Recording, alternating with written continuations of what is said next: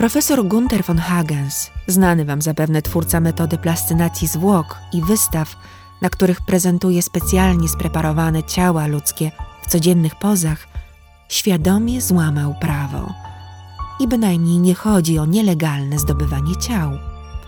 20 listopada 2002 roku profesor po sukcesie wystawy Body Words zorganizował po raz pierwszy od 170 lat publiczną sekcję zwłok.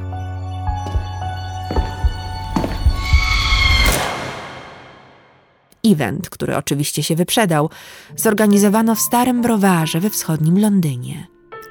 W pomieszczeniu zgromadziło się ponad 500 widzów, którzy zapłacili 12 funtów za wstęp. Autopsję przeprowadzoną na ciele 72-letniego biznesmena z Niemiec transmitowała na żywo telewizja Channel 4. Mistrzem ceremonii tego teatrum anatomicum był oczywiście sam von Hagens. Nie miał nawet licencji, by przeprowadzić sekcję, nic sobie jednak z tego nie robił. Zwłoki nie były już pierwszej świeżości. Śmierć nastąpiła w marcu 2002 roku, a zmarły za życia palił cztery paczki papierosów i pił dwie butelki whisky dziennie.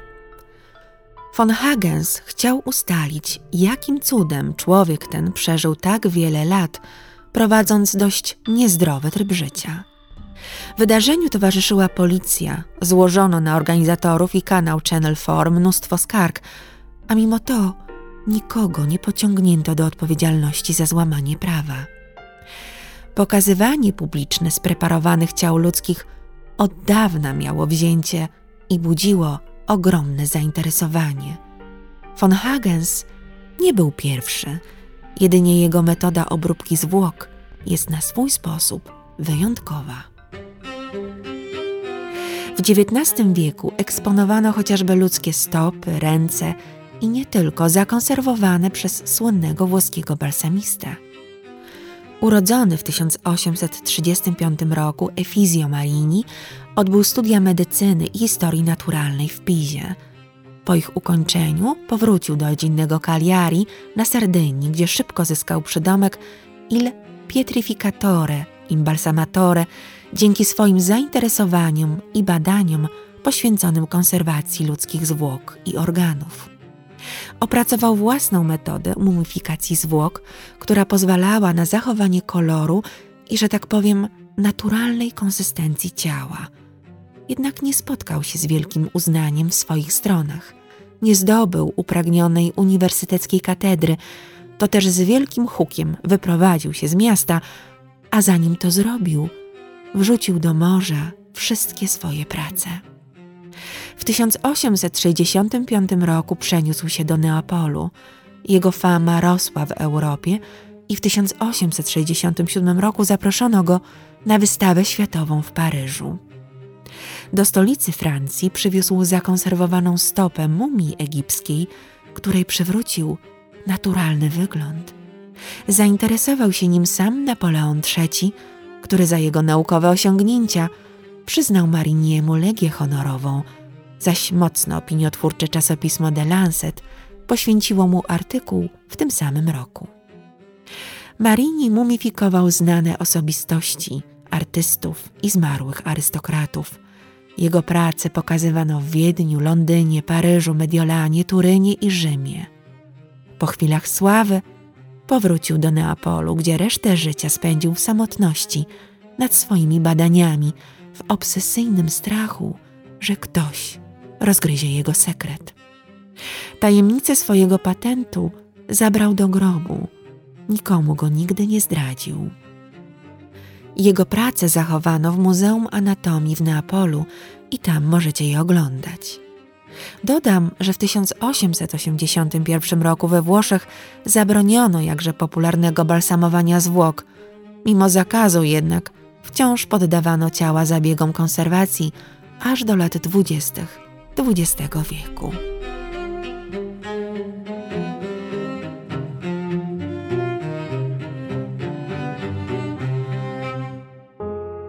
Julia Pastrana urodziła się w 1834 roku w Meksyku. Porzucona przez matkę, sprzedawana z rąk do rąk, była eksponowana we freak show jako najbrzydsza kobieta świata. Jej ostatni właściciel, Theodor Long, został jej mężem, bynajmniej nie z miłości, lecz po to, by trudniej było mu ją odebrać. Julia otrzymywała wiele intratnych propozycji pracy. Małżonek reklamował ją jako dziecko ze związku małpy i kobiety lub niedźwiedzia i kobiety. Pastrana była na wielu europejskich scenach, pokazywano ją także w Warszawie. Zmarła tuż po porodzie, w wieku 26 lat. Urodziła chłopca, owłosionego w równym stopniu jak ona. Skóra dziewczyny bowiem porośnięta była włosami, za wyjątkiem wnętrza dłoni i podeszew stóp. Cierpiała na hipertrichozę, miała zaledwie 138 cm wzrostu. Jej jakże wspaniały mąż kazał po śmierci wypchać Julię i ich synka i obwoził te makabryczne lalki po Europie. Julia i jej dziecko doczekali się pogrzebu dopiero w 2013 roku na cmentarzu w Sinaloa de Leiva, w miasteczku w pobliżu miejsca urodzenia Pastrany. Jej historia pokazuje, jak odczłowieczeni byli ci, którzy handlowali jej zdeformowanym ciałem. Teraz opowiem Wam o możliwości zakonserwowania Waszych zwłok z własnej woli już za Waszego życia. Przez pierwsze tysiąc dni nie jesz nic poza orzechami, nasionami i jagodami. Intensywnie ćwiczysz, by zrzucić dosłownie każdy gram tłuszczu. Przez kolejne tysiąc dni Twoja dieta ogranicza się do kory i korzonków.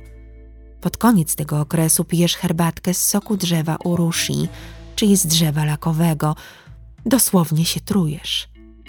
Napar wywołuje wymioty i prowadzi do gwałtownego odwodnienia.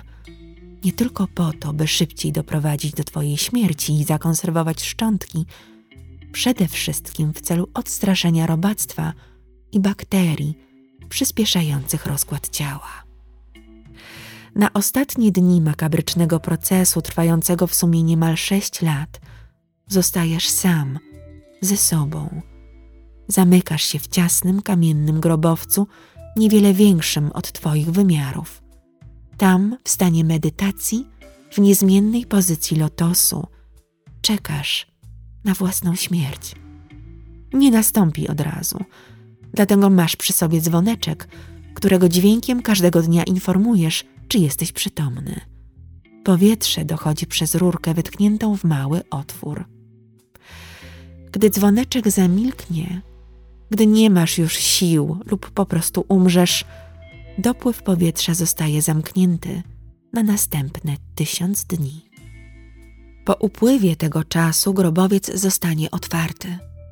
Jeśli miałeś szczęście i ciało zostało zakonserwowane, zyskujesz status boski, status Buddy. Twoje ciało zostanie przeniesione do świątyni i tam będzie ci oddawana cześć. Jeśli jednak Twoje ciało, mimo tylu zabiegów, rozłoży się, zostanie zamknięte z powrotem w tym samym miejscu. Zyskujesz szacunek za poświęcenie, ale Bogiem nie będziesz. Opowiadam Wam o różnych metodach pochówków, także o pogrzebaniu za życia, jak dotąd jednak nie wspominałam o wyżej opisanej technice automumifikacji czy też samomumifikacji. Praktyka ta powstała najprawdopodobniej w Chinach za czasów dynastii Tang, czyli w VII-X wieku naszej ery, a stamtąd przeniesiono ją do Japonii, gdzie zyskała nazwę Sokushinbutsu, dosłownie osiąganie stanu świętości poprzez pozostawanie przy życiu. I w Japonii przetrwała najdłużej, bo do XIX wieku oficjalnie, nieoficjalnie do początku XX wieku. Ofiary trzęsienia ziemi w Laja w prowincji Qinghai można obejrzeć w miejscowym muzeum. Laja Ruins Muzeum otworzono całkiem niedawno, w kwietniu 2018 roku. Na ekspozycję składają się archeologiczne odkrycia z 1981 roku. Sceny wzruszają. Matki zastygły w geście pełnym miłości i poświęcenia. Nie zdołały jednak uchronić dzieci przed śmiercią, nawet za cenę własnego życia. Co ciekawe, jedna z kobiet chroniąca dziecko, chłopca, na pewno nie była jego krewną, potwierdziły to badania DNA. Podobnie jak ofiary wybuchu Wezuwiusza 24 października 79 roku w Pompejach, tak i te zostały utrwalone w pozach, które tragicznie zmarli przybrali w chwili śmierci. W Pompejach ciała okrywa wulkaniczny pył. Tu jeszcze bardziej tragiczny widok odsłania się przed nami. Widzimy jedynie gołe kości ofiar. Szczątki pochodzą sprzed czterech tysięcy lat. Co sądzicie o pokazywaniu szczątków w ten sposób na wystawach? Czy nie powinny spocząć po dokumentacji naukowej w grobach, zasłonięte przed ciekawskimi spojrzeniami turystów? Czy byliście już na kolejnej wystawie plastynatów von Hagensa, którą można zobaczyć obecnie w Warszawie? Ja się wybieram. Poprzednią obejrzałam z dużym zaciekawieniem, choć i przerażającą refleksją. A co, jeśli zwłoki pochodzą od rozstrzelanych chińskich skazańców, jak głosi plotka? Na pewno są to zakonserwowane ciała Azjatów, którzy, biorąc pod uwagę wierzenia Chińczyków, woleliby spokojnie i w całości spocząć w grobach.